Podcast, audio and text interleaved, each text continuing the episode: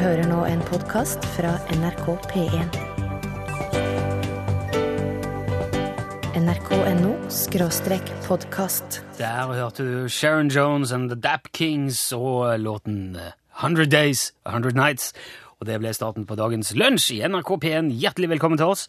Vi er i dag uh, uten vår faste radioprodusent Torfinn Borchhus. Uh, han må dessverre være hjemme med sin, uh, sitt syke avkom i dag. Men vi er selvfølgelig inne en høyst kapabel erstatter. Jeg snakker ikke om Tore Strømme i dag. Jeg snakker heller ikke om Aslak Sira Myhre. Kjell Magne Bondevik er heller ikke med her i dag. I hvert fall ikke på den måten. Det er mulig han dukker opp på en annen måte. Jeg snakker selvfølgelig om Are Sende Osen. Hallo! Hei, Are Sende Og hei til det norske folk. Ja, de sier helt sikkert hei tilbake. Koselig å ha deg her, Are. Takk for det. Artig å være på besøk. Eh, Vi har òg foran alle knapper spaker eh, med Martin på plass. Martin Hallo. Vågerød. God dag. Jeg hadde så lyst til å kalle deg Eggan. Det skal jeg ikke gjøre. Jeg sier Nei, han sitter lenger nede i gangen. her. Ja. Mitt navn er Rune Nilsson. Da er vi i gang. Alle mann alle. Ny uke. Mandag i NRK P1. Og akkurat denne mandagen var litt spesiell for en tid tilbake. For at eh, i 1904, den 7. januar, altså for nøyaktig 108 år siden, ble det bestemt at skip som var i nød på havet, skulle sende ut et nødrop. Og det var CQD. CQD. Nå skulle jeg egentlig hatt eh, iPhonen min her. Det, det, ok, vi kommer tilbake til det. Eh, Har du den der morseappen? Nei, du har jo ikke det. vet du. Ok, dette her var Jeg kommer tilbake til det. Det står for altså CQD står for Come Quick Danger, eller Come Quickly Distress. Og det er av britisk oppfinnelse, det der eh, nødanropet. Det ble tatt i bruk som nødsignal den 1. februar 1904. Ble altså bestemt i dag. Men så var det jo sånn at på den tida så foregikk kommunikasjon mellom skip, altså til og fra skip, og mellom andre skip ved hjelp av morse. Og morsekoden for CQD den er litt innfløkt. Det var det jeg hadde tenkt jeg skulle demonstrere med min telefon, men den har jeg ikke tatt med meg. Det er noe sånn. Det er på en måte CQD. Og det er jo ingen problem å forstå for de som kan morsekode, sånn som telegrafister og sånne ting. Men for folk flest ville det jo fortone seg som Og det er litt typisk britisk, om jeg må få lov å si det. De skal ha alt på sin egen måte, og det trenger jo slett ikke være spesielt praktisk eller hendig, bare det er britisk. La meg illustrere ved et eksempel. Jeg hadde en gang en Rover Mini, en, altså en sånn klassisk liten Mini, men han var bygd på ja, vel tidlig 90-tallet. 92-modell eller noe sånt var det, så han var bygd av Rover, som jo også er et britisk bilmerke, lagd i England, men på tegningene og på spesifikasjonen til den gamle, originale Minien. Veldig fin liten bil, elektrisk sardinbokstak var det på en, British Racing Green farge. Og så hadde det seg sånn at jeg hadde denne bilen, så ville jeg gjerne bytte ut høyttalerne bak i hattehylla på bilen. Eh, og på alle andre biler i verden så er eh, disse høyttalerne festa med fire skruer og satt inn eh, ifølge et standardmål. Men ikke i en britisk bil, må du tro. Nei da, der er høyttalerne festa med tre skruer, og de har helt andre mål enn alle andre høyttalere i hele verden. Og det er altså typisk britisk. Alle som har hatt en britisk bil, vet dette. Range Rover eller noe sånt. Helt umulig å skru på uten spesiallaga britisk verktøy. Og ja, altså Alt må egentlig være opp ned for at du skal få det til. Og det samme er det jo med de som lagde dette nødsignalet. da. Det var altså britene. QCD. Nå skal du få høre, for nå har Are funnet Er du klar? Ja, for Nå må du pipe QCD. Ja, det, der er det. CQD. CQD, ja. Å, beklager. Ja, det må jeg si Nei, det var rett, ja. CQD, ja. ja. Skal jeg så, òg, eller? Det låter veldig likt veldig mye annet. Det er typisk britisk, som sagt. Da er det noe annet med tyskerne. For de tenker mye mer sånn løsningsorientert. De fant ut at Save Our Souls, som jo også er engelsk, men det er mye enklere på morse her. Det er jo så mye mer fornuftig. Eh, Så de foreslo kan vi ikke heller bruke SOS. Ja, sier alle andre i verden. Eh, Det gjør vi heller. Og så gikk det bare to år, og så bytta de vekk CQD. Alle utenom britene de fortsatte med CQD en god stund. Selvfølgelig, som de jo alltid gjør, fordi at de skal være spesielle. Mange tror òg at Titanic var det første skipet som brukte SOS som nødsignal i 1912, men det stemmer faktisk ikke. Det var et skip som heter Slovania, som for første gang sendte ut et SOS. Det var den 10. juni 1909. Men eh, i dag bruker man strengt tatt ingen av delene, for nå roper man heller mayday når det går galt. Og det er egentlig feil uttale. Det skal uttales med det av det franske ordet meder, som betyr 'hjelp meg'. Så da vet du det, Are. Eh, Moi, eider, eider, m, m, ed- ed- M, m, edre. Ja, jeg er ikke så flink i fransk heller, men eh, mayday funker helt fint. Ja. Dette er lunsj, det er mandag, det er fokus på læring. Nå har du allerede fått litt. Vel bekomme. Det var eh, li, Linedans av Roge Aleksandersen som du hørte der i lunsj. Og der hørte du òg Are Sende Osen nippe til sin kaffekopp. Nå sitter du i rommet. Traktekaffe. Traktekaffe. Som du har vært og fått hos Nina etter at du skremte livet av henne. Ja, det hørte jeg faktisk at det gjorde meg hele gangen. Ja. Eh, Vi driver var frekka seg til meg på Facebook, sjø. Ja, ja. I går. Og så sa at eh, jeg skylder Sånn som vi brukte å si før i tiden. Du kan vente deg, jeg skylder deg. Ja, Sant? ja, Det sa vi på skolen. ja, Etter skolen ja. kan du vente deg. Jeg skylder deg, gjør det. Bank på heimveien, sånn ja. Ja. Vi var inne på at briter er veldig sære og spesielle. De gjør ting på en veldig eh, egen måte ofte. Det gjør de. Eh, og så tenkte jeg at eh, ja, men, Tyskerne er jo mye smartere og mye mer praktiske. SOS, QCD, alt det der. Men det er jo mange andre CQD, unnskyld. Men det er jo mange andre områder òg hvor det har vist seg at europeere, eller i hvert fall kontinentale europeere, mye skarpere enn veldig mange andre. Og et veldig godt eksempel er jo det metriske system. Yes. Det metriske systemet, vet du, det er jo noe som eh, Skal vi ta en liten oppsummering om det metriske systemet, Ja, kanskje? ja, veldig gjerne. Det hadde vært fint. Dette er jo læredagen. Ja, Det metriske systemet det er et eh, desimalsystem. Et titallssystem. Mm. Eh, sånn at du har Ti 10 millimeter en centimeter, Ja. 10 centimeter en desimeter, Ja. 10 desimeter en meter, Ja, 10 meter er, en timeter. det er 10 meter. Ja, og så opp til kilometer og mil og alt det der. Ja. Eh, det ble utviklet i Frankrike eh, på 1790-tallet, Ja, eh, etter den franske revolusjonen. ok. Um, før den franske revolusjonen så hadde hvert land, og gjerne hver by, hadde sin egen målenhet.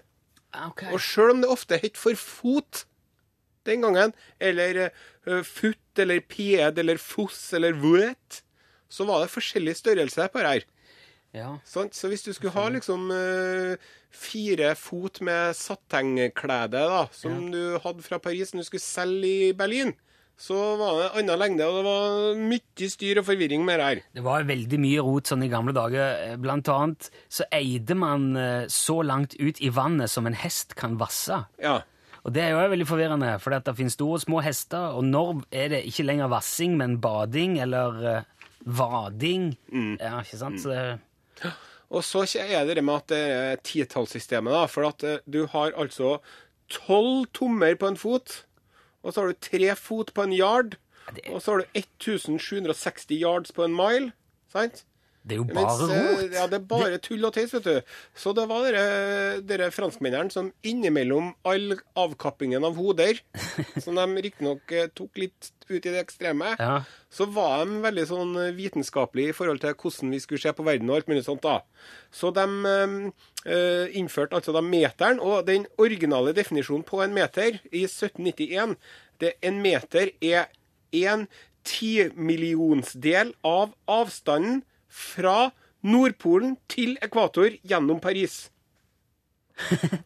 Sier du det, ja? Ja. Wow! Den bruker vi ikke lenger. Vi har forandra litt på den definisjonen på en meter siden. Og det Ja. som den er nå, da, og har vært siden 1983, det er altså en meter er strekningen lys forplanter seg i vakuum i løpet av nøyaktig 1 299 792 458 del sekund.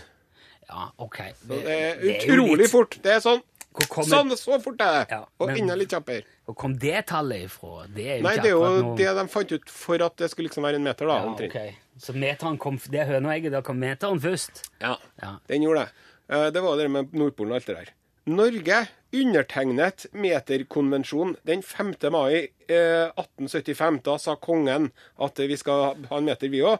Så ble det enstemmig vedtatt av Stortinget samme året, 26. mai. Så lurer du på, Hvilke land i verden er det som ikke praktiserer med meter eh, i dag, lurer du på? Ja, men så fortsatt driver 1270 yard på ei mil og 12 og 3 her og litt der og sånn. Ja. Hvem er det? Det er Liberia, Ja, Burma ok. og USA. Det er ikke det er Myanmar, da? Ja. Ja. ja.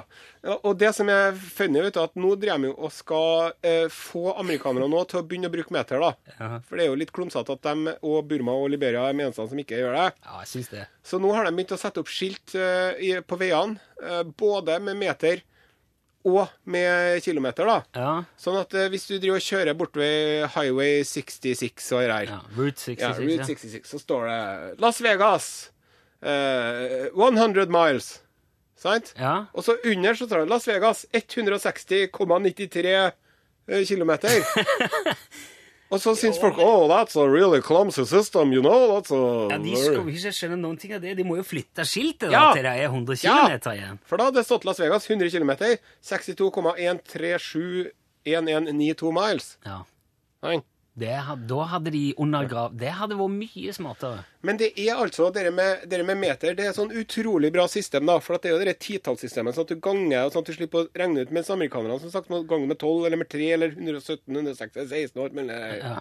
Og så har vi også i tillegg, vet du, så har vi at, eh, at eh, når vi måler temperatur ja, da er det frysepunkt og kokepunkt. ja, Frysepunktet er Null. Og kokepunktet er 100. Ja. I hvert fall ved havnivå. Ja. Altså på- ved havoverflate. For det, det forandrer seg jo når du kommer opp ja, i høyden. ja. Mens i Amerika, vet du, så har de Frysepunktet er 32 Fahrenheit. Ja. Og kokepunktet er 212. Hva er det som er null? Ja, det er 180. Ja, ja, så frysepunktet er 180. Men, Nei, det er 32. ja. Ja, Frysepunktet er 32. men er det det absolutte nullpunkt som er null, da? Minus 273? Nei, det er på sånne Kelvin, det. Det er Kelvin, ja. ja. Det er noe annet, ja. Men hva er null Fahrenheit, da? Hva er det som skjer da? Nei, det skal jeg finne ut når jeg kommer på Google etter at du har spilt De en der to skalaene der de møtes på minus 40. Minus 40 siden Ja. Våge, vet du. Kelvin og Fahrenheit, ja. Det er Nei, nei, eh, Celsius. Og Fahrenheit. Å, ja, ok. Ja, det er uansett bare rot. Heia, heia Europa, sier jeg da. Ja. Uforlignelige Magnet. Even Johansen var det du hørte der. Doldrum Days. I dette programmet, som altså etter lunsj og sendes på NRK P1, så eksperimenterer vi jo stadig med såkalte språkuniformer. Det er vel et ord som jeg tror kanskje vi har laga sjøl, men det er jo Altså, det er jo tanken om at veldig mange forskjellige funksjoner, yrker, titler i samfunnet har sin egen språkuniform. De snakker på sin egen eh, unike måte. Og vi var innom eh, ja, Vi har vært innom veldig mye eh, rart. Eh, og nå sist så var det flykapteinen, for det er en av mine, mine personlige favoritter. De må jo være de må være veldig seriøse, de må være tillitsvekkende, og så skal de jo være litt avslappa og kule. De skal innynde mye tillit, ro, kontroll, eh, men så må de være litt kule òg. Du må liksom tro at, at, at en flykaptein ikke bare har hele kontrollen og har alt på stell, men han kan òg være litt cowboy. Litt sånn tøff. Kanskje med et fyrstikk eller en tannpirker i munnviken mens han flyr. Som en sånn ah, Jeg tar det ganske eh, rolig her. Og vi prøvde derfor å, la en flykaptein eh, lese opp svarene eh, på spørsmål til NSBs kundeservice på Facebook. Og det fungerte jo relativt bra. Tidligere har vi jo prøvd å la Bjørn Eidsvåg synge hva som helst under samme parole, eh, med tanke på at enhver tekst i verden kan bli en låt av Bjørn Eidsvåg. Og nå begynner vi å nærme oss eh, kjernen her, for etter at vi prøvde denne flykapteinen, så fikk vi en eh, SMS ifra Gøytil, eh, med tips om å la en flykaptein lese en tekst av Bjørn Eidsvåg. Nå begynner det å bli interessant. Kan en flykaptein gjøre en Bjørn Eidsvåg-tekst ja, kan han gjøre det i det hele tatt? Hvordan vil det oppleves? Vil det være troverdig? Vil det, vil det være ekstremt, ekstra tillitsvekkende? Hva vil skje? Syns det var en veldig god idé, så det har vi tenkt å prøve nå. Nå skal vi ta eh, Bjørn Eidsvåg-teksten opp i eh, lufta. Eh, så nå er det bare å ta plass og feste setebeltet. Når lyset med fest setebelte er slukka, kan du bevege deg fritt, men vi anbefaler at du har beltet festa så lenge du sitter foran radioen. Formiddag, alle sammen. Dette er fra Cockpit. Livet er ikke akkurat et eh, ball. Men eh, det har nå vært en eh, liten trall. Jeg er ikke flink med halleluja, men en kløpper på sjalala. Sjalala, la, la, la, la, la. Sjalala, la, la, la, la. Sjalala, lala, la, la, la, la. Jeg har det bra. Jeg er fornøyd og glad. Og eh, når du eh, kryper opp i fanget mitt og vil bli holdt rundt og trøste litt, og litt etter litt gir meg smilet ditt, da takker jeg skaperen for livet mitt. Når vi begger oss rundt dekka bord og deler både vin og gode ord. Unger leker, ler og har det godt. Da er livet utrolig flott. Sjalala, la, la, la, la, la. Sjalala, la, la, la, la, la. Sjalala, la, la, la, la, la. Jeg har det bra, er fornøyd og glad. Vi håper du er fornøyd deg godt til rette og får en behagelig tur sammen med oss her i Eidsvåg Airlines. Takk. Fever sang Peggy Lee, What a Lovely Way to Burn. Hun sang jo òg her om Fahrenheit og Centigrator, Sendosen. Ja.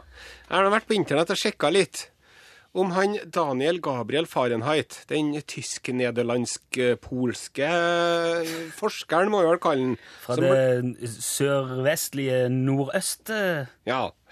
1686 til 1736. Ja. Så uh, det må vi huske på det, at det virker kanskje latterlig og teit nå, men uh, på, i 1686 så var han langt forut for sin tid, kan man vel også si. Ja, Det var han som laga Fahrenheit-skalaen. Hva, Ja. som- hva er det som er null der? Eller hva er Jo, det som er det som er null, da, det er minus 17 grader celsius. Det er null grader Fahrenheit. Ja vel, Ja. hvorfor Jo, det er jeg- og, Hva er det som skjer der, Jo, liksom? han gikk ut en dag, han Fahrenheit, og da var det så kaldt at han tenkte at nei, det blir vel ikke noe kaldere enn det her. Det her er null. Er det sant? Ja. Jeg har nå lest det på internett. Og, og, så var og, og hva med 100 grader? Vet du hva det er? Er det det som er kroppstemperatur? Ja, det er kroppstemperatur. Ja. Bortsett fra at den hadde litt feber den dagen. At kroppstemperaturen er på 96 grader Fahrenheit. Men akkurat den dagen han tok, eh, brukte sin egen kropp da, som eh, målestokk, så hadde han litt feber. Så derfor så er 100, hun- det er sånn eh, 100 Fahrenheit er liksom 38,5 eller noe sånt. Det er jo, jeg syns det, er- det er så rotete og tullete. Ja, det er, vet du. Men uh, husk på, vi har jo brukt fyller han der Vi har jo brukt en 50 000-200 000 år for å komme fram til dette her, da. Eh, if, And if at first you don't succeed Try, try and try again. Ja. Eh, ja, men da fikk vi rydda opp i det. Mm. Jeg har fått uh, e-post fra Kjartan som skriver at tolv tommer er én fot, to fot er en alen, seks fot er tre alen, som er én favn, 100 favner er en kabellengde, ti kabellengder er en nautisk mil, som er en breddeminutt, og ikke minst en sekstiendedels breddegrad. Mm, ja. Så da er det bare å huske på det, så Ja. vet du akkurat hvordan alt fungerer. Eh, jeg hadde tenkt vi skulle innom en helt annen ting. Du har er sikkert kjent med begrepet Nigeria-mail. ja. Det vi. Det, det er sånn eh, e-post. Som oftest er e-post, da. Ja, det er jo som regel Og så står det at å, nå har du vunnet masse penger, eller så kommer du til å få masse penger Ja. rimelig kjapt. De fleste av oss har sikkert opplevd å få fantastiske tilbud og muligheter fra obskure skikkelser, enten i Nigeria eller gjerne andre afrikanske land òg. Vi fikk nylig oversendt et kjempetilbud om investering fra en tidligere kenyansk minister. Det var jo ikke verst. Torfinn ble helt blank i øynene. Han sa at det er over her, og kan oss tjene mye penger, sa han. Nå blir det en ny båt på oss. Ja, så måtte jeg bare si at det er bare tøys det der. Ah, hva sier du? Eh, og siden dette foregår stadig, og ikke ser ut til å bli noe mindre heller, så er det jo rimelig å anta at det er ganske lukrativt. At det stadighet må være folk som går på dette. da. Det blir jo født en idiot hvert eneste minutt, sant? Og hvis du sender ut eh, nok mailer, så er det en eller annen tulling som Ja. eh, tenker hmm. Det som er interessant, og det som jeg ikke vet noe om, det er om det går andre veien. Er det rimelig å anta at nigerianere òg sliter med norgesmail?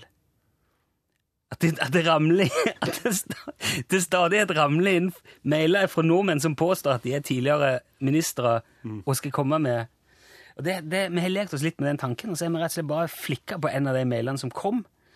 Fordi at Hvis det hadde kommet en norgesmail til Nigeria, så hadde den antageligvis hørtes ut omtrent sånn som dette. Jeg skal ta den på litt sånn tilsvarende moldre av strategiske hensyn. Oh. Kjære venn. Jeg vet at dette vil komme som en overraskelse på deg, men I, Kjell Magne Bondevik, tidligere statsminister i Bondevik 2, 1 og 2-regjeringen, har et virksomhetsforedrag til deg som jeg tror de vil ta til hjertet. Jeg vil etablere en bedrift i ditt land, og den viktigste grunnen til at jeg kontakter dem, er at ditt behov for ditt partnerskap, eh, skråstrek din tillit, det er jo, det er jo, de oversetter jo til nigeriansk med Google Earth, og så må vi sette det tilbake. ja. Det er jo litt ubehjelpelig språk. Jeg vil investere i ditt land og trenger deres hjelp til maksimale samarbeid i denne forbindelse, hadde Kjell Magne skrevet. Ja. Og så har han skrevet videre. Jeg er interessert i å investere i anleggsbransje, eiendom, produksjon av marmor og granitt, næringsmidler, landbruk, skole, turisme, stålindustri, transport, hoteller, plastindustri, tekstilindustri eller annen lukrativ investeringssektor i landet deres. Jeg trenger også detaljert informasjon for å foreta denne investeringen. Fødselsnummer og kredittkortnummer og bankkonto. Dette er en 100% lovlig transaksjon, og det er helt utenfor statlig innblanding. Hvis de er interessert i ovennevnte forslag, vennlig kom tilbake til meg så snart som mulig med informasjon om hvordan vi kan starte, så vil I etter hvert arrangere et besøk for videre diskusjon. I ser fram til å høre fra dem. Vennlig hilsen Kjell Magne Bondevik. Tror jeg mange nigerianere hadde gått på den. Mm, nå Jeg vet ikke helt.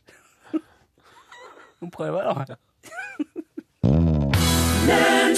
Du hørte her Mumford Sons og låten het I Will Wait. Eh, Etter forrige ukas elendige tekniske oppvisning her i lunsj, hvor vi to dager på rad ikke klarte å gjennomføre innringningsspalten Hallo, hallo, så er det helt åpenbart at det må få konsekvenser på et eller annet vis. Den faste lunsjlytter vet hva jeg snakker om. Vi har gått på trynet to dager på rad. Dette går ikke. Derfor har vi nå kalt inn eh, teknologisjefen her i vår avdeling i NRK eh, til oppvaskmøte. Eh, inn på eh, teppet. Her er Steinar Bjørløkke. Hallo, Steinar. Ja, god dagen, Rune. Ja, nå blir det altså oppvaskmøte her. Du er på teppet. Ja, veldig fint teppe. Ja. Eh, Kan du forklare oss hva det er som er skjedd? Hvorfor, hvor, hva er det som gjør at vi ikke klarer å holde våre forpliktelser overfor lytterne i dette programmet? Oh, nei, det var, det var et kort som røyk en mikser, og så testet man det ikke på forhånd, og da ble det ikke noen lytter på lista. Hvem, hvem sitt ansvar er dette? Å nei, det, jeg har jo ansvar for det jeg har ansvar for. Ja. Tar du det ansvaret? Eh, ja, jeg, jeg beklager jo at eh, det kan ha føltes for den eh, faste Du kan ikke beklage hvordan det føles for folk. Du må beklage uforbeholdent din manglende eh, evne til å ta ja, altså, å følge opp det tekniske utstyret på ja, NRK. jeg, jeg, jeg, du, Du må legge deg flat. Ja, jeg legger meg flat. Kan du legge, legge deg flat helt på teppet? Skal jeg ta med mikrofonen? Ja, du- ja, du kan, nei, jeg tror ikke jeg rekker det går Legg deg Jeg kan rope. For... Ja. Oi.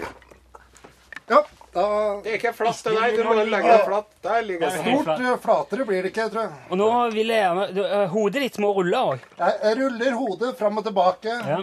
ganske mye. Det er bra. Ok, Da har hodet til Steinar Bjørlike nå rulla, og han ligger helt flat. Da kan du komme opp her, eh, Steinar. Nå skal du få en uh, hatt. Ah, får jeg en hatt, ja. Der. Nå er det din, Ja, så nå kan du ta din hatt og gå. ja. ja men det skal jeg gjøre.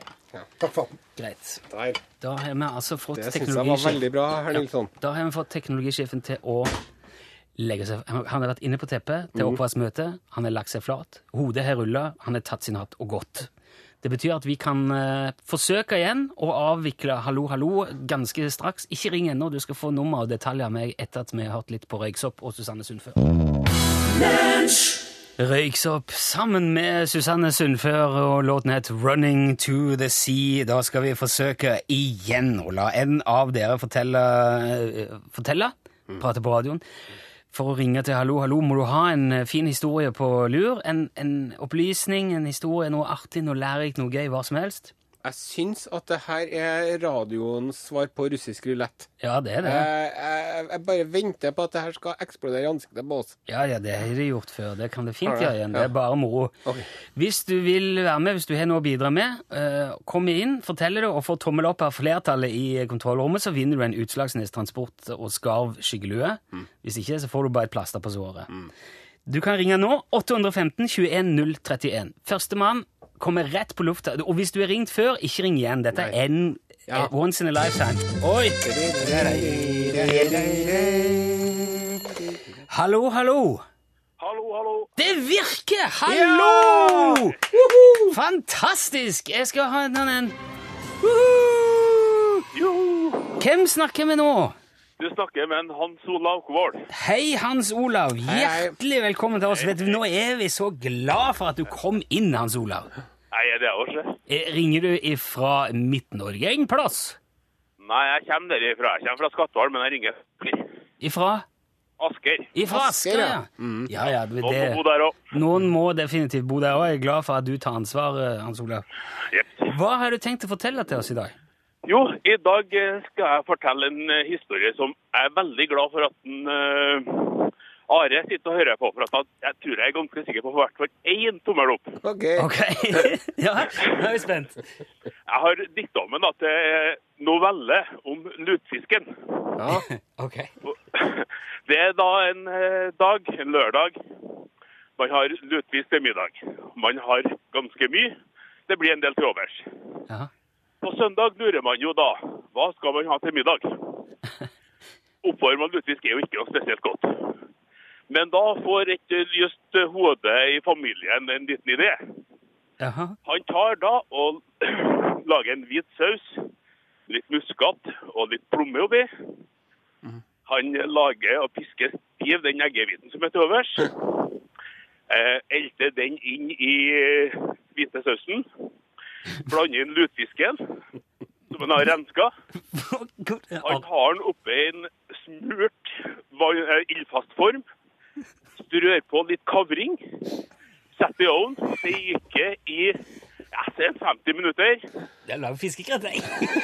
Yes, det er lutefisk. Lutefiskgrateng. Det er så nydelig. Jeg har laga dobbel porsjon av lutefisk mange ganger bare for å ha eh, Er det sant? er det sant at det er godt? Det er Så sant som det går an. Det er helt fantastisk. Du sa, Den lutasmaken du får, helt nydelig. Are satt her og rista på hodet mens du, mens du prata, Hans Olav. Hvorfor gjorde du det, Osen? Nei, jeg bare Ja. Um...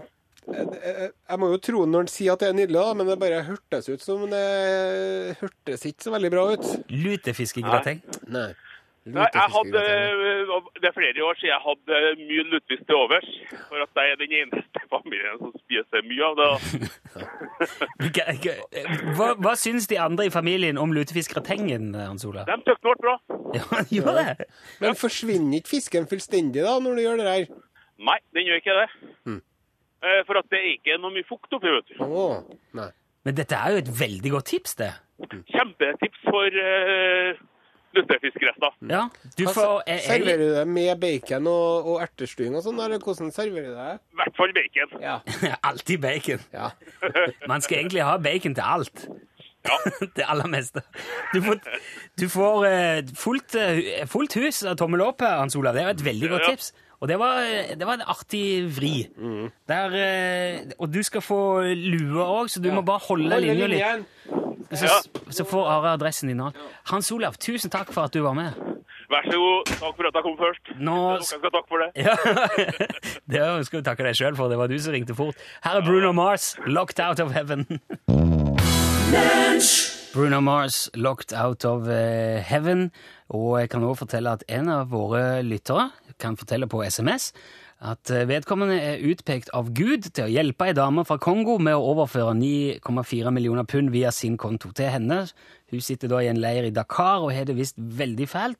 Eh, Kan sammenlignes med et fengsel, men hun har jo internett, heldigvis. Så derfor kan hun kommunisere ut dette behovet for å få flytta disse 9,4 millioner pund. Og vår lytter skal få 15% av det. Det låter jo veldig bra, Pål Plassen. Det er helt fantastisk. Så lurer jeg så fælt på hvem det er som sitter og skriver alt det der, altså. Ja, det, Vi har jo testa ut nå hvordan det hadde vært hvis Kjell Magne Bondevik gjorde det. det for jeg tipper òg at Nigeria får veldig mye norgesmail. Ja, det vil jeg nesten tro. Men Ja. nå, ja, vi, vi vi er fint ferdig med alt. Jeg måtte bare oppsummere litt. Det er norgesklassetid her i P1, Pål. Ja, og det skal handle litt om det som skjer i det store utlandet også i norgesklasse i dag. Vet du, Jeg holdt på å dette av stolen i går da jeg så Gérard Depardieu, som altså nå flykta til Russland. Hva gir du med for den saken der? Russer, rett og slett. Ja, Ja. han vil altså da flykte fra en eh, skatteregel i Frankrike som han virkelig hata, og har blitt bestekompis med Vladimir Putin. Det er altså den nye toppskatten de har fått i, i Frankrike. Ja, og som den er får jo... selveste Obelix til å rømme landet, altså. Ja, og så det, det som er så absurd Dette har sett han i så mange filmroller, så, så plutselig setter han seg nå på en privatjet til Sotsji for å bli venn med Putin. Eh, så i Norgesklasse i dag så skal vi ta for oss det her med skatteflyktninger, rett og slett. Og skal få forklart litt om hva er det uh, Depardieu flykta fra, og hva er det norske skatteflyktninger flykta fra, egentlig.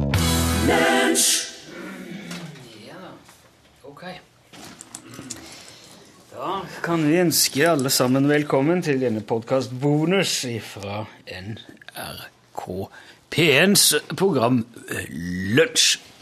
Nå har du hørt hele sendingen slik den ble sendt i dag, den 7. januar. Og nå er det altså denne bonusen. Det er frukt du henter her. Bo bonus? Ja, det er um, Det kom jo en ny fruktkurv i dag. Ja. Og så er den gamle fruktkurven er jo ikke halv, halvtom. ja. Så jeg tar med meg fire pærer og to plommer og to mandariner og et eple hjem til ungene. For den gamle eller for den nye? For den gamle, ja. Oh, ja, for den gamle. Det er fint at du føler, for det, det, det pleier Torfinn kjøre i seg til vanlig. Han er veldig sånn Ta bare det, ta det gamle, han. ja. Søppeldunken, kaller vi det. Han eh, Borchhus, vet du. Han er sånn som Så, eh, Åh. Det ser Pass, pa, pa, passfoto. Passfoto, ja. Pa, pa, pa, pa, pa, passfoto! Jeg skal bytte bank, så må jeg ha passfoto til Jeg trodde du skulle ha nytt pass, jeg. Ja, det må jeg òg, men da tar du bildet der nede. Og så må du sjekke det med passet til ungene dine. Ja, jeg vet jeg må ha nytt til, til, til minste. Ja. Og så må du... Det går fort ut, vet du, for de vokser ja. Og så er det ikke sånn at eh, At du kan ordne pass fra ni til tre, vet du. For jeg gjorde det her rett før jul, at du kan ordne pass mellom klokka 9 og 11 og klokka 13 og 15 og sånn. Ja, ok. Så du må ikke bare ferne dit og tro at det er åpent. Nei. Og så var det bare på politikammeret her, vet du. For jeg skal passe til ungene, da. Ja. Og der var det Det, var noe, det er noe underlig stemning nedpå her. For Det var noe en sånn eh, østeuropeer i varmedress som eh, drev og venta på noe. Og så var det en mann med noe alvorlig blåøye. Og så var det Skjer mye rart på politiet. Ja. Og så var det alle de damene som driver ordna pass. Det er ingen av dem som er fra Norge. De var nå fra Afrika eller Latin-Amerika, alle sammen. Og det er nå greit. Ja, Men så var det en sånn eh, hvit, gammel norsk mann som drev og var sjef over dem, da. Han var nå norsk, da. Og han, vet du, han, for, han, sto, han sto, og så sto han liksom bakom det glass. Det er sånn skuddsikkert glass, vil jeg tro. Sikkert. Og så sto han og liksom så på um, utafor der. Oss andre. Og så så jeg at han var skeptisk, vet du. Ja, ja. Så jeg tenker sånn Jeg er glad jeg ikke jobber på, på politistasjonen. Tenkte jeg, når du liksom Tenkte jeg når du jobber på en plass hvor du bare automatisk har lært deg at dem som er der, dem er sikkert ikke noe mye å samle på. Det er jo den holdninga de får etter hvert. Det var det. Jeg skal si noe nå som eh, kanskje er dumt, men jeg sier det likevel. For det, det er jo sist jeg skulle ha pass, jeg kjørte ut på Heimdal. Ja. Og der er det mye mindre og forhold og mindre folk og mer omgjengelig gjeng. Og Ja. det gikk veldig greit. ja. Så det jeg på jeg det tror jeg jeg skal gjøre i år òg. Og jeg tror faktisk jeg gjorde det på en lørdag. Oh. Ja. Det, men eh, det som var fascinerende med det passet her Jeg var her Ja. Jeg var her sånn i totida på dagen. Halv tre var her, og så åpna ikke for tre. Men da var jeg førstemann i køen, da. Okay, ja. Og så gikk nå det greit. Og så for jeg hjem, og så i postkassa, der lå de nye passene. F Samme dagen? Er ikke riktig, da, men det gikk altså så utrolig fort. Jo, men Så jeg, de sier du er nødt til å regne med ti arbeidsdager. Sånn, ti arbeidsdager. To arbeidsdager, så pang! Så er jeg der. ja, men min, jeg fikk mine første to av de fikk Ja. vi dagen etterpå. Pang! De to andre kom ved uh, helga. Ja. Ja, Det var sikkert en fredag eller noe sånt. Ja, så, for vi tre vi skal reise om i uka, eller hva det var, trodde vi hadde de. For jeg ble litt stressa. Trodde jeg hadde at alle sine var greie. Men så var det jo eh, noe som mangla. Og det gikk Ja, men jeg kan sette haster på dem. Ja, ok. Ja, vi får satse på at det går, da. Bang, sa det bare. gikk Så det fort. skal de ha. Ja, ja. De er kjappe, altså. De er Lightning McQueen, de. ja. Da fikk vi sagt det. Utover det så går det bare Ja, det er jo øh, Jeg driver jo med litt sånn uh, nyttårsbakrus ennå. Å ja. Jeg syns jo at januar er en skrekkelig Ja, måned. du sa det. Men er det noe Hva er det Er det noe du vil snakke om? Det, ja, det er jo hvordan Hvilke vitaminer er det man får gjennom sollyset? Det er ikke... Ja, Det har jeg ikke noe av. Men det kan det du ta tilskudd. kan Ja, ja, det burde jeg gjort. Det gjør jeg. Og så er det liksom eh, Nå er vi Nå, nå fer jeg nå rundt her, da, sant? Og så er det mørkt, og det er surt, og det er liksom Nei. Jeg har en liten sånn eh, dump i januar. Ja. Det er Jeg tror mange har det. Jeg har jo ofte hatt det. Men i fjor hadde jeg ikke det. Nei. Og Det var fordi at jeg dro til Thailand med hele familien i februar, starten av februar, i vinterferien. Og så har jeg da funnet ut at det gjør vi igjen. Ja. Og det hjelper så veldig på januar. For at nå har vi begynt, vi har begynt å telle ned til det nå. Nå er det en måned til. Men er ikke du redd for at dere skal bli kidnappa av eh, muslimske ekstremister? Veldig. Hver dag. Muslimske ekstremister i Thailand, ja. Nei, vet du, ikke, på- ikke så mye tid på å tenke på det. må jeg innrømme. Hvor er det dere skal nå? Vi skal til Kanom. Ok. Og det er litt sånn sør-øst i Thailand. Det er ut mot Sør-Kina-havet. Det er ikke på Phuket og Jeg alt det der sida. Nei, det er på andre sida. Ja. Ja. Er elefanter her, da? Ja, ja.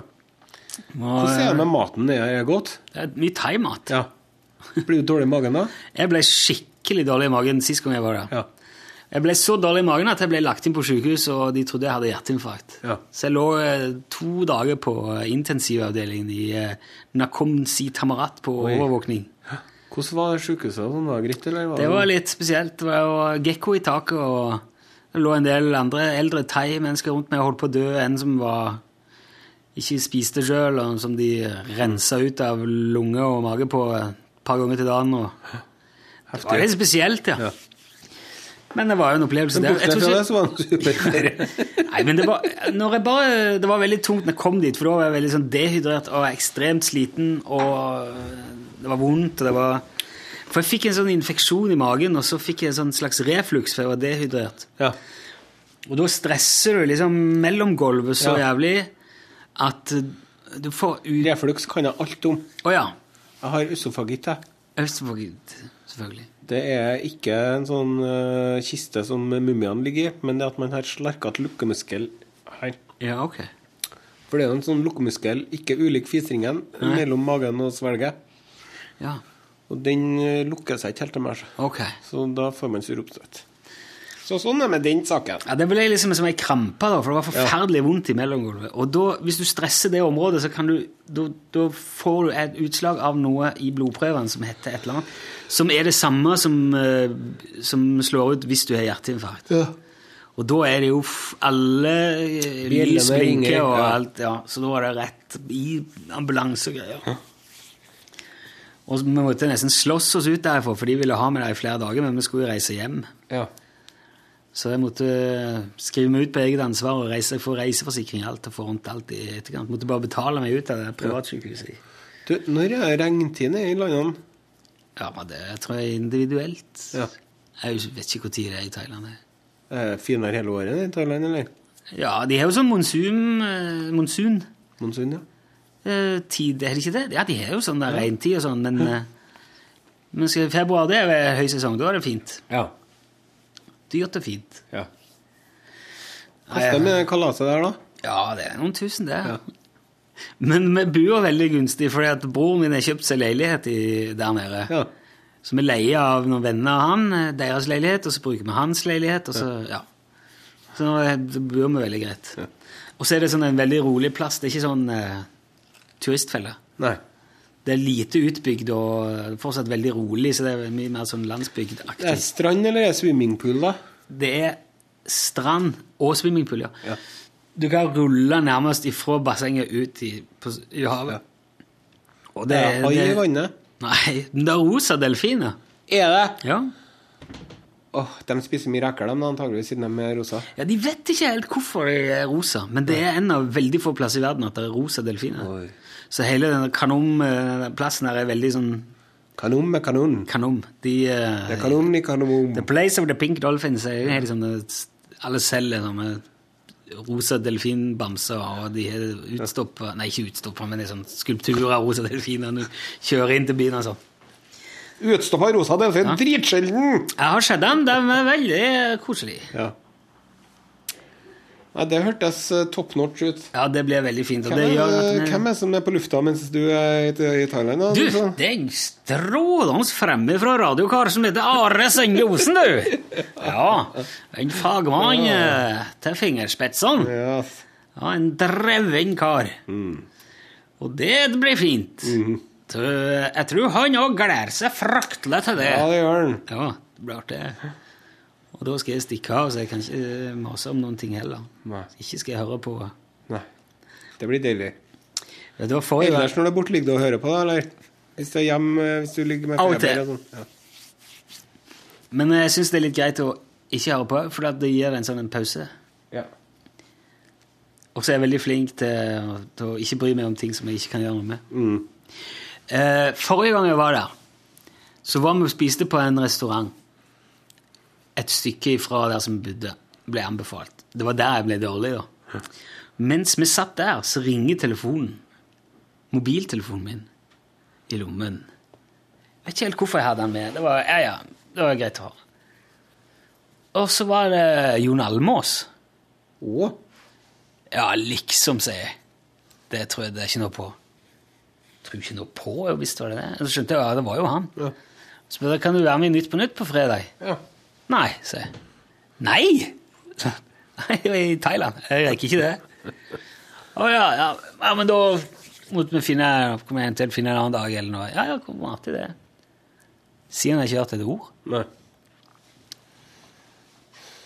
Så eh, jeg tror bare jeg var sånn en ja, Ingen kan. Åh, ja, prøv han der jævla Ja. Rogalendingen i radioen, da. Hvem er Per Inge Torkelsen, mener du? Hva skal jeg være minutt på nytt der? Skal jeg røyke? Skal jeg røyke? Skal jeg komme der? Skal jeg fortelle deg noe skikkelig Skal jeg komme til hovedveien, da? Tro med det. Vet du hvorfor brannbilen er rød? Fordi at han ikke skal bli slukka. Nei, det er fordi at i England heter dronning Elisabeth akkurat det samme som båten. Og båten går ut på havet og treffer på en mine og synker ned til fiskene, og fiskene er finner, og finnene var i krig med russerne, og russerne de er røde. Den var, det var en klassiker. Det gjelder jo ikke så mye nå lenger. Men du, de sier at han er jævlig artig. Ja, han er det. Han er kjempeartig. Ja. De to fiskepuddingene som sa det er tre og strikte jordbærsyltetøy. Og så datt den ene ned, og så ropte den andre 'Brakk du noe?'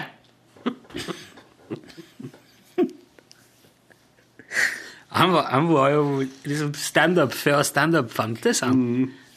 Kjempeartig. Det var veldig gøy når Per Inge var på et eller annet i byen. Det var ikke så langt å reise før.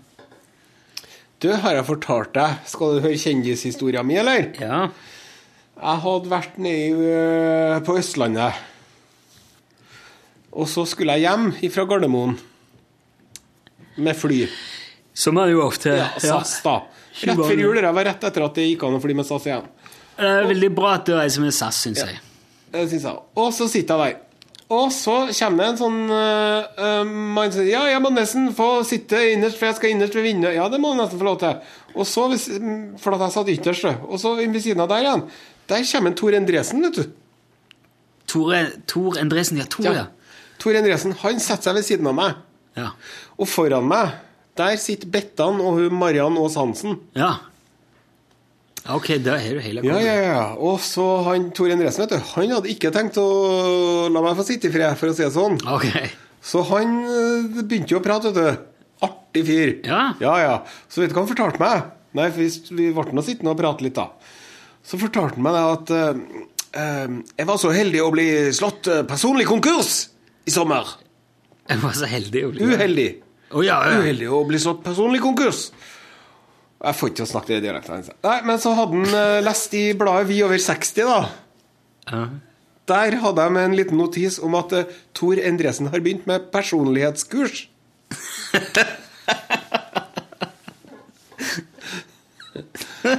Det, er jo- det samme. Det er jo samme. Ja, Jeg har gått eh, personlig konkurs sjøl. Har du det? Ja, Ja. ja. Nei, så det var artig. Og så så jeg at bak oss, der satt den Rune Larsen. Men han var ikke interessert i å prate med noen, så han satt bare og leste i avisa. Og vet du hvem som satt bakom han igjen? Nei, jeg gjør ikke det. Han derre hviterusseren med fela. Ryback. Ryback, ja. Ryback. For da var det vet du, juleturné da, med Ah. Tor Endresen, Marian Æs Hansen Jeg sier Æs, for at jeg Det er- det så artig. Bettan. Ja. Og hadde ikke sagt nei takk til ei betta med Bettan, for å si det sånn. Store Endresen og Rune Larsen. For de skulle ha sånn juleturné, de. ja. To forestillinger hver dag fram til 20. desember. Så hektisk program, men uh, antageligvis full med Marian Æs Hansen ha penger, da.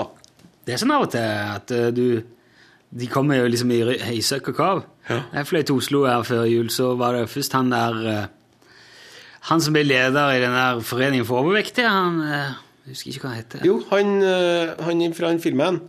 Ja. Som var på eh, flyet. Og så eh, måtte vi vente litt, for Helene Bøksle skulle være med. Pitbull-Terje.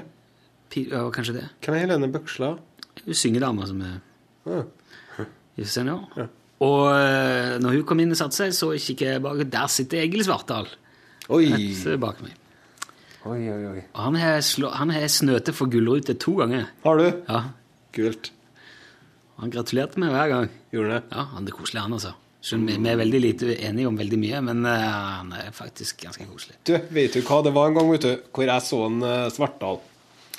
Det var i Philadelphia-menigheten, som ligger oppe i Pilestredet, ikke så langt unna Blitz. For der er jo du okay. Ja, var det når du lagde Tro og Are, det? Ja, Okay, da ja. var vi med ungfila på Philadelphia-menigheten. Mhm.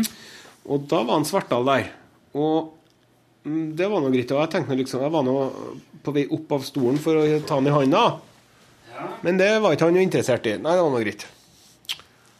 Og så så han Martin, eh, Martin Våge, vet du, han, han eh, lydmannen vår, Ja. som var lydmann på sendingen nå. Ja. Han var jo lydmann på den TV-produksjonen der, han. ja. Så måtte han ut i biler og hente noen batterier eller annet sånt. Og når han da var ute for å hente batterier, vet du, så ser han Der kommer en Egil Svartdal. Over gata. Ja. Og så ser han Egil Svartdal noen folk som han uh, ikke har lyst til å hilse på.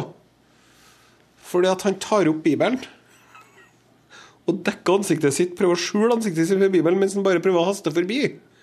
Men så så jo de at det var en Egil Svartdal, og så ropte de 'Egil, jo, Egil!' Og da var han nede med Bibelen og sa 'Neimen, hei!' Ja. men du Og så for han jeg var, jeg var så sint på han en periode fordi at han var Jeg så han jo på TV Ja. at han var i eh, Han var nede i Ja, nede på de mine trakter litt sør for Egersund, sånn ja. eller Flekkefjord. Jeg kan Ja, ikke huske who cares? Så var han Potato, potato. Ja, så Så var han med ut på elgjakt. Og så sitter de der og prater om eh, For han er jo veldig sånn på det skal jo snakke om tro, og det skal jo handle om det. Og veldig sånn eh, på pappaveien. Men så, så Hele veien, da, når de satt ute på post der, og han drev fortalte om elgjakt og så, så snakket de bare om det. Ja, det er jo fryktelig spennende når vi sitter her, og du må være veldig rolig. og En gang så kom det en, en 17-tagger, eller hva jeg skulle fortelle. Og så begynte det liksom å dra seg til. Så snakket de på sambandet. Så, ja, men nå må vi gå.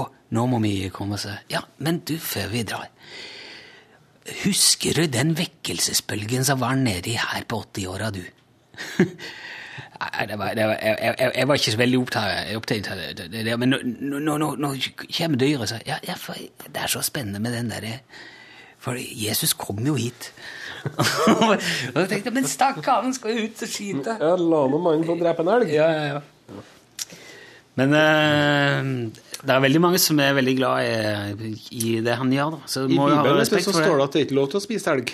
Å, ikke elg? Nei. Er elg? Elg er- Elgen elg er omtalt person? Ja, altså det står, spesifikt i Det er lov å spise elg. Hvorfor det? Nei, for at de har ikke lov til å spise ville dyr, de har lov til å spise tamme dyr. Å ja, er det De noe med klover? Sau geit og ku. Ikke noe gris. Ikke noe, ikke noe villdyr. Er det, er det noe klovgreier, det der? Ja, det har noe med det å gjøre. Men med- geita har vel sånne Ja, men det er noe med drøv og sånn. Hvis den har Ah, ja. kløver og tygger drøv eller et eller annet. Men i hvert fall, eh, for at det lærte jeg også når jeg laga TV-programmer. De jødene de har ikke lov til å spise elg. Nei det. Men så har de lov til å spise noen sorter gresshoppe. Men ikke alle. Ok. Er ikke det rart? Jo. Det er Er mye det ikke rart? det Er det ikke rart? Det er mye Jeg rart. tror det ikke fører for seg, det. Men apropos det der med sånne kjendiser på fly. Ja.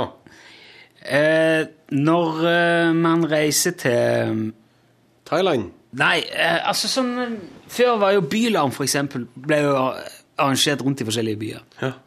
Det, det ambulerte jo.